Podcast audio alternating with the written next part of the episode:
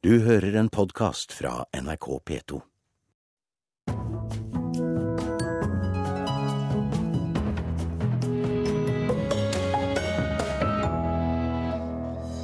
Museene gjør seg mer avhengig av sponsorer, og forbundet deres frykter et A- og B-lag av norske museer. Det var ikke så mange som overlevde, men nå skal Holocaust-senteret forske på hva som skjedde med norske sigøynere, som det het den gangen, under og etter andre verdenskrig. Og Valebrokks metode er en bok full av beundring for den gamle sjefredaktøren, men ikke særlig faglig, ifølge vår anmelder. Du hører på Kulturnytt i Nyhetsmorgen i NRK med Ugo Fermariello i studio. Museene i de store byene vinner kampen om sponsorkronene, mens distriktsmuseene taper. Museene er nå blitt så avhengige av private penger for å lage nye utstillinger at vi risikerer å få gode og mindre gode museer i Norge, frykter Museumsforbundet. Ja, så det blir kinoen vår inn i den utstillingen. Hva skulle jeg nå si? At kara fikk sette og bli litt mer rasjonelle? Arkivfilm fra sykkelprodusenten og konfeksjonsfabrikken Øglen er med når sjefen for Jærmuseet, Målfrid Snørteland, åpner ny utstilling i Vitenfabrikken i Sandnes neste uke. Den handler jo om verdiskaping i denne regionen, med utgangspunkt i Sandnes' historie og regionens historie. Det vil jo bli formidla gjennom interaktive stasjoner, som dreier seg om veldig mye om økonomi og finans og matematikk. Utstillingen er betalt av landets største fondsforvalter, Skagenfondene, som har gitt 8 millioner kroner til Vitenfabrikken. Det er klart at For oss er det ganske avgjørende hvis vi skal lage utstillinger av dette formatet her. Fordi at det er jo ikke ting vi har muligheter for innenfor ordinære driftsbudsjett og offentlige bevilgninger. Vi ser jo at mange av våre kolleger sliter mer om å jobbe lenger for kanskje å få til større utstillinger og utstillingsløft. Her ute blir en slags introduksjonssone. Noen kilometer lenger sør i Hå kommune ligger et annet anlegg under Jærmuseet, nemlig Vitengarden. Rådgiver Anne Jorunn Frøyen viser hvordan en ny utendørspark om energi og miljø, betalt av Statoil, kommer til å bli. Så da vil vi eh, snakke om eh, hvordan du kan møte energi på en måte som vann, vind, og så selvfølgelig fotosyntesen. Oljeselskapet Statoil har gitt 9 millioner kroner til Jærmuseet over tre år, og mye går til den permanente utendørsparken som åpner til sommeren. Det hadde ikke vært mulig hvis ikke vi hadde hatt de midlene fra Statoil. Mens det vanlige er at sponsorpengene utgjør 3-5% av inntektene, var Jærmuseet oppe i en sponsorandel på 14% i fjor. Og Det har nok noe med temaene å gjøre, og det har noe med at det er veldig sentralt plassert. Med, med den nye politikken fra den regjeringen Solberg, så vil nok de private midlene bli enda viktigere for museene. Sier generalsekretær i Norges museumsforbund, Liv Ramskjær. Faren med det er at det er de museene som er både flinke til å jobbe mot sponsormarkedet, og som har sponsorer i sitt nærmiljø, som vil vinne kampen om å lage de gode og spennende utstillingene. Men jeg gjorde en liten undersøkelse her i oktober blant medlemmene til Museumsforbundet. De som klarer å dra inn de fleste sponsormidlene, er gjerne konsentrert rundt de store byene, mens mange av institusjonene ute i distriktene har store problemer med å ta, få inn sponsormidler. Så artig. Dette er kulturminister Toril Vidvei, som spiller på et pipedyrorgel i Norsk barnemuseum i Stavanger.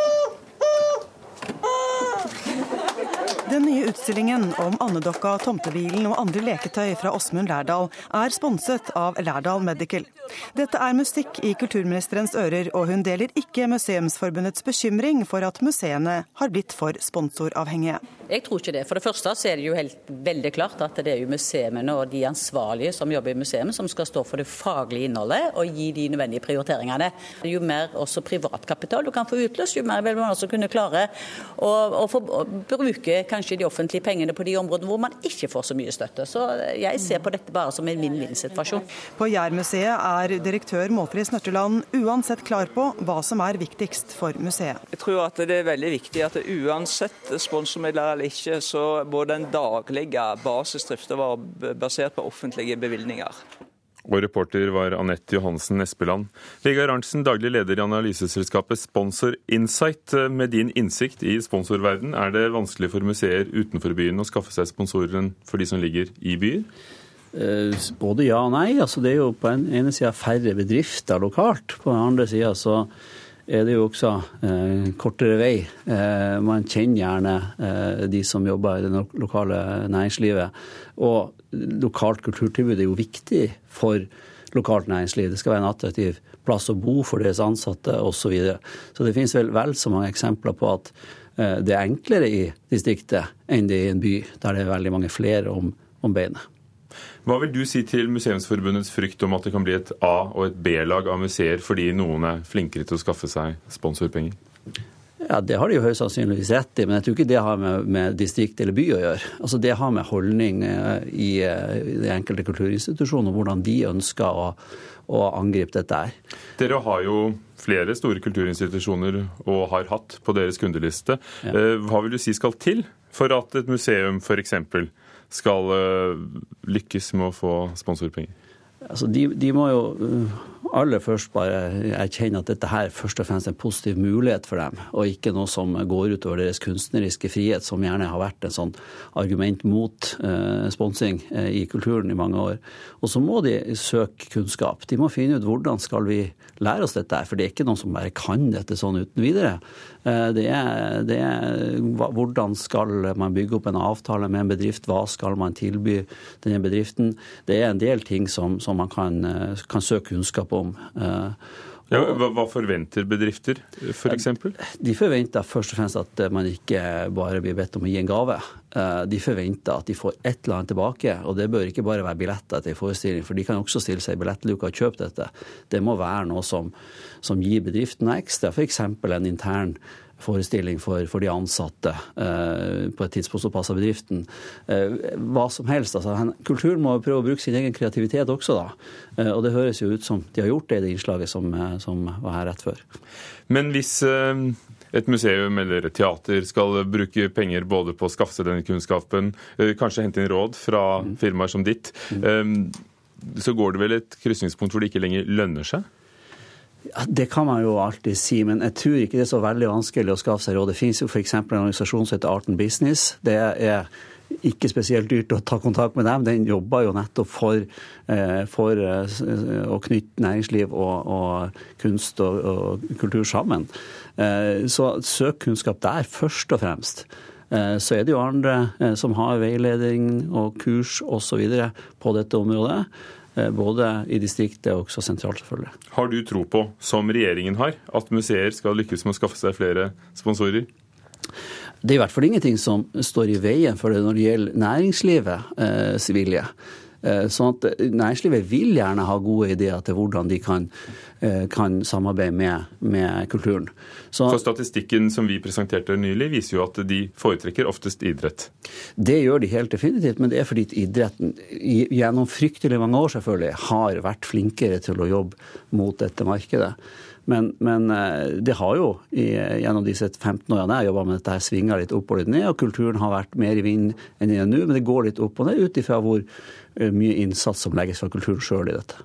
Takk skal du ha, Vegard Arntzen, daglig leder i analyseselskapet Sponsor Insight.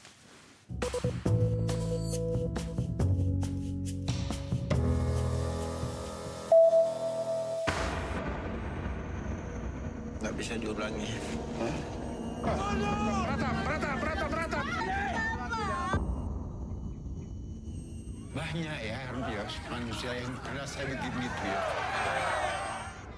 Dette er fra dokumentarfilmen The Act of Killing, som er på listen over filmer som kan bli nominert til Oscar for beste dokumentarfilm. Denne Langlisten over 15 kandidater til nominasjonene ble offentliggjort i går. Filmen er regissert av amerikanske Joshua Oppenheimer, men har en norsk medprodusent, nemlig Piraya Film. Den handler om bestialitetene på Indonesia på 60-tallet, da en halv million mennesker ble henrettet av indonesiske dødsskvadroner, og The Act of Killing viser drapsmenn og lederne deres som iscenesetter henrettelsene som de utførte. Også filmen om den russiske protestgruppen Pussy Riot er blant de 15 på listen som kan bli nominert til Oscar for beste dokumentar. Fortsatt i USA. Kunstmuseet i Detroit ber om at museets store kunstsamling ikke selges unna. I går slo en domstol fast at Detroit får konkursbeskyttelse fra sine kreditorer i det som er den største amerikanske offentlige konkursen noensinne. Nå har eh, Detroit Institute of Arts sendt ut en pressemelding der de ber om at museets enorme kunstsamling ikke selges, av hensyn til fremtidige generasjoner. Byens eh, kreditorer ønsker å få solgt store deler av kunstsamlingen som inneholder malerier av verdensberømte kunstnere som van Gogh, Matisse og Munch. Artister får betalt rundt 0,04 øre hver gang en sang eller melodi spilles på Spotify. Det svenskeide strømmetjenesten har for første gang beskrevet hvordan de fordeler inntektene til produsenter, plateselskap og artister. Ifølge Spotify er utbetalingene til utøverne avhengig av hvor musikken er produsert og hvor den lyttes til. Det betyr at en låt som lyttes til én million ganger, gir en artist inntekter på rundt 9000 kroner.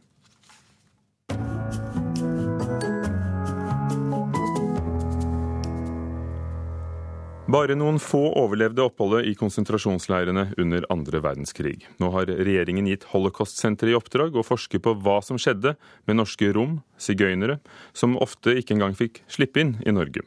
Syv år før krigen vedtok nemlig en Norge en fremmedlov som stanset dem før de kom til den norske grensen.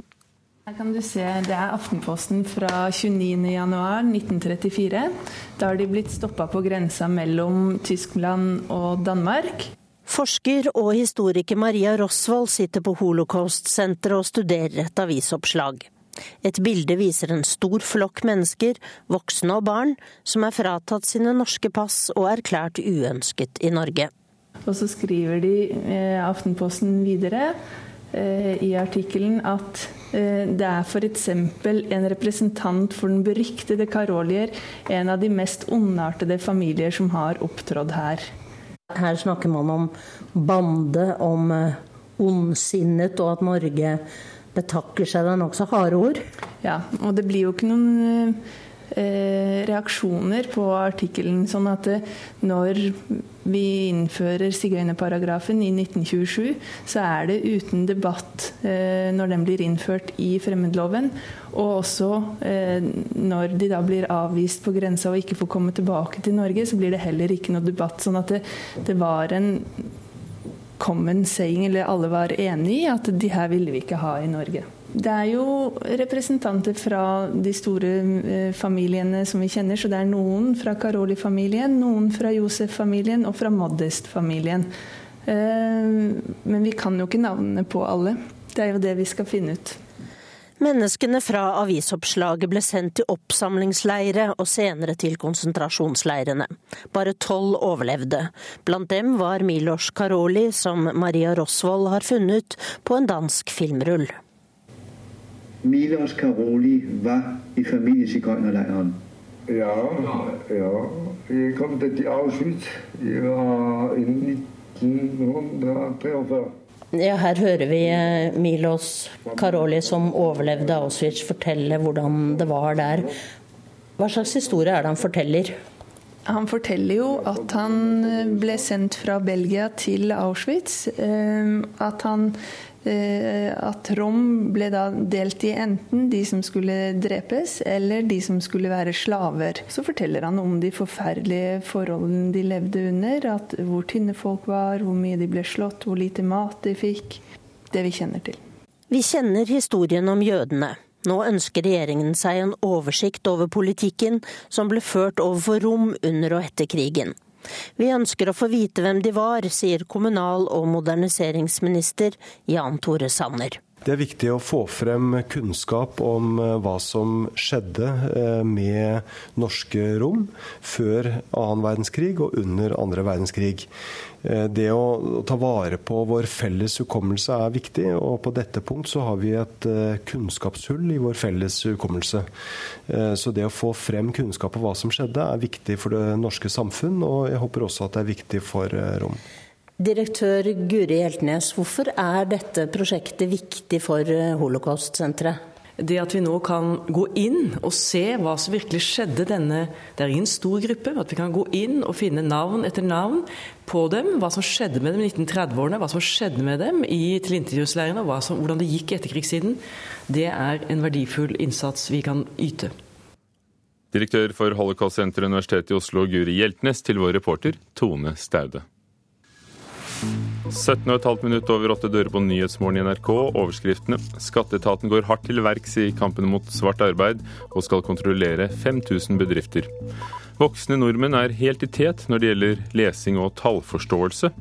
Og uværet i Nord-Norge førte i natt til at nærmere 10 000 husstander mistet strømmen. Kåre Valebrokk var en eneveldig redaktør som kunne være snill og myk, eller direkte og nesten brutal, sier forfatterne av en ny bok om Valebrokk. Stålneven kunne komme plutselig og nådeløst, og dette kommer frem nettopp i boken om den kjente pressemannen som hadde sagt at eh, journalister skal lukte øl etter lunsj. Så gikk det 15 av 20 hender i været og sa Valbrokk. Og det var det, det husker du vi snakket om. To ferske forfattere møtes til de siste forberedelser. I dag kommer boken deres om Kåre Valbrokk ut. Valebrokks metode heter den. Det er noe så sjeldent som en usedvanlig kreativ og usedvanlig disiplinert person. Og Den kombinasjonen tror jeg man finner vel, hos veldig få. Det mener forfatter Trond Wernegg er årsaken til at Kåre Valbrokk skapte suksessbedrifter som Dagens Næringsliv. Dessuten var han En uh, utprega kaospilot. Uh, og, og, det gikk og det vekste, vokste jo veldig fort i Dagens Næringsliv i disse åra da han uh, leder det. Det forteller den andre forfatteren, Magne Notodal. Han jobbet mange år med Valbrokk. Det er ikke tilfeldig at boken har fått undertittelen 'Et hjerte av gull', en neve av stål. Så var han, uh, viste han raushet og storhet når uh, medarbeidere hadde økonomiske problemer, personlige problemer og, og lignende. Da kunne han trå til og hjelpe til. Valbrokk var en eneveldig redaktør, og han viste ingen nåde mot medarbeidere som gjorde en dårlig jobb. Da kunne stålneven komme plutselig og nådeløst. Han kunne være nådeløs eh, overfor eh, medarbeidere eh, som opptrådte urimelig eller illojalt. Og noen kunne oppfatte hans handlinger som brutale. Kåre Valbrokk krevde mye av seg selv og sine journalister. Selv sa han det slik. Vis meg en fornøyd redaktør, så skal jeg vise deg en dårlig avis. Da han sluttet for å begynne som toppsjef i TV 2, viste kaoset seg. Efterfølgeren måtte jo ha, ha et møte med Kåre to-tre uker etter at han hadde tiltrådt, for å finne ut hvem som ledet de forskjellige virksomhetsområdene. Det er en diskusjon om hvorvidt han hadde 25 eller 32 med direkte rapportering til seg sjøl. Og det var det forfatterne av Vallebrokks metode, Trond Wernegg og Magne Otterdal, eh, som sa til vår reporter Anne Cecilie Remen. De to har villet skrive en faglig biografi om Vallebrokk som leder og skribent, og boken Vallebrokks metode er full av beundring, men ikke særlig faglig, sier vår anmelder Arnhild Skred. Da Kåre Vallebrokk døde i februar, var han trolig Medie-Norges mest beundra mann. Særlig setter folk han høyt som mediegründer og kommentarskribent. Merittene til Kåre Vallebrokk forsvarer fullt ut at noen gjør karrieren hans til objekt for ei bok. Hva slags leder og skribent var det som i tillegg til å bli en karismatisk offentlig person, kunne få både forretningsvekst og redaksjonell nyskaping til å skje? Dette spørsmålet ser ut til å være problemstillinga i boka Vallebrokks metode, som kommer ut på Cappelen Dams akademiske forlag. Forfatterne er advokat Trond Wernegg og pressemannen Magne Otterdal, som begge har arbeid under Vallebrokk i Dagens Næringsliv og sto han nær. Otterdal gav i fjor ut ei innføringsbok i næringslivsjournalistikk. For Wernegg ser Vallebrokk-boka ut til å være forfatterdebuten. I innledninga skrev de at den tidligere sjefen fremdeles er til daglig inspirasjon for dem og de takka Vallebrokk for alt de lærte av han, uten å tenke på det eller skjønne det den gang. Spørsmålet jeg stiller meg, er om de nå, i dag, makter å få meg og andre interesserte til å forstå hva denne lærdommen og inspirasjonen gikk ut på. Verneig og Otterdal forteller i forordet at de har ønsket å skrive ei faglig bok.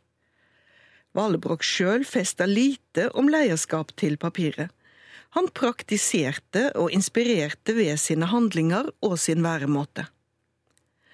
Å fange slik ferdighetslærdom i tekst er ikke enkelt.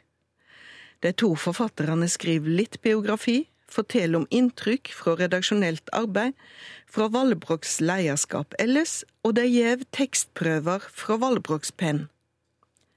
Det verker likevel som forfatterne famler og mangler et heilskapsgrep om boka si.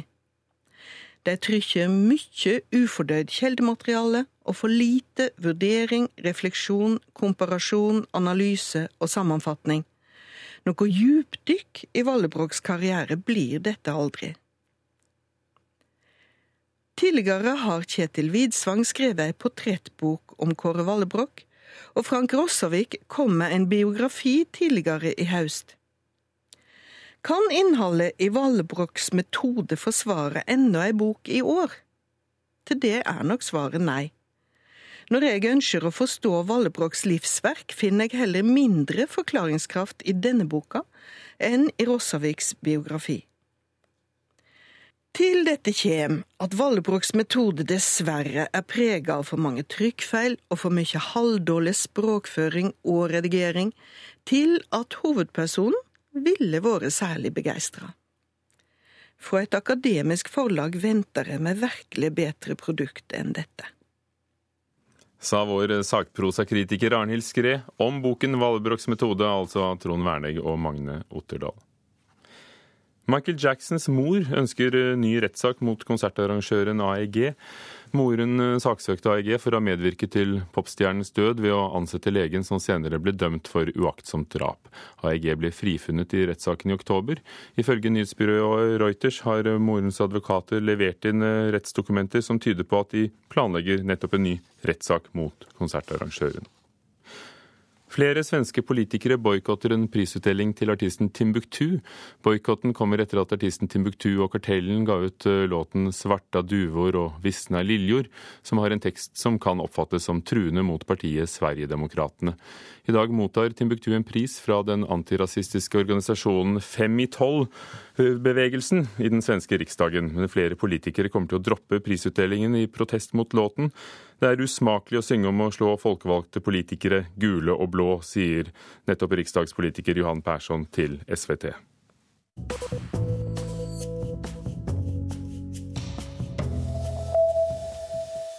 I formiddag klokken ti møter Kulturrådet den nye kulturministeren Toril Vidvei fra Høyre for første gang. Den nye regjeringen har varslet en gjennomgang av Kulturrådets arbeidsform og organisering, og leder i Kulturrådet Yngve Slettholm, mm, med det utgangspunktet, hva håper du kommer ut av dagens møte? Ja, Det er jo en årlig foreteelse at uh, statsråden møter Kulturrådet, og som du sier er det første gang nå, og vi er jo selvfølgelig spent. Eh, vi legger opp til en god dialog hvor det blir meningsutveksling fra begge parter. Og eh, jeg regner med at, eh, at, vi får en god redegjørelse, ikke bare for gjennomgangen av Kulturrådet, som selvfølgelig er interessant for oss, men, men også for regjeringens kulturpolitikk og Kulturrådets rolle i regjeringens kulturpolitikk. Ja, for Det som ikke er en årlig foreteelse, er jo nettopp at vi har fått en ny regjering som har varslet om at de vil frata rådet du leder oppgaver og, og, og midler. Så hvilke forventninger har du? Ja, Det har vel ikke varslet det så konkret at vi skal fratas oppgaver og midler. Oppgavene våre er fastslått i lovs form, en lov som ble vedtatt for ikke så lenge siden i Stortinget. Og Det er i tillegg til å forvalte Kulturrådet og, øh, og være statens rådgivende organ i kulturspørsmål. Og Sånn sett er det jo veldig viktig med en dialog mellom politisk ledelse og rådet. Hva vil du si i den dialogen? For i valgkampen har det jo i hvert fall politisk vært sagt at mer makt må ut i distriktene. Ja, altså Jeg vil ikke si det så, uh, så konkret. Altså Kulturrådet er i den store sammenheng ikke en spesielt stor aktør. Vi forvalter bare i overkant av 5 av, av kulturbevilgningene. Uh, og I mine øyne har vi behov for et, et uh, organ som kan ta et samlet grep om den nasjonale kulturpolitikken på det frie feltet. og Jeg har ikke oppfattet at, at det er noen politisk vilje til å til å eh, legge mm, eh, Kulturrådets virksomhet utover hele landet, det ville være veldig lite rasjonelt. Eh, med 8000 søknader og, og, og, alle de fagutvalgene vi har, som, som man på en profesjonell måte kan for, forvalte hele den store søknadsmengden.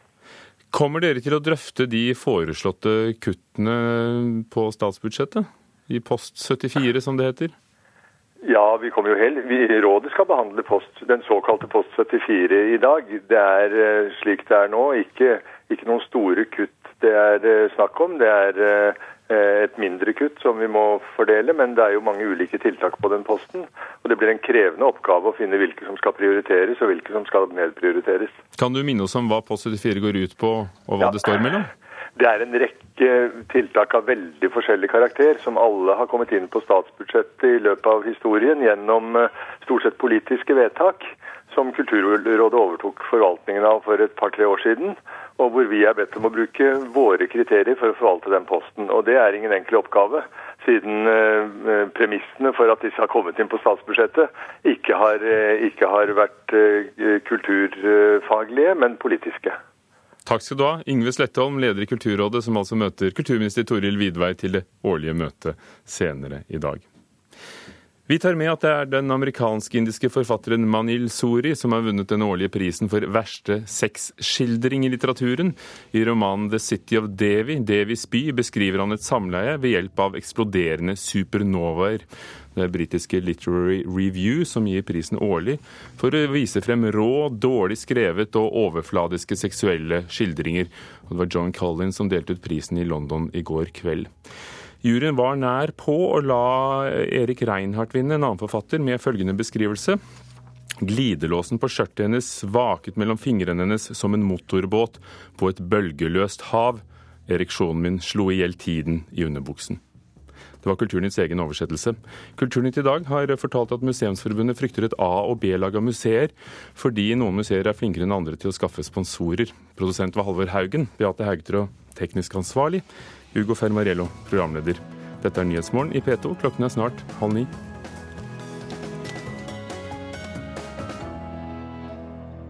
Du har hørt en podkast fra NRK P2.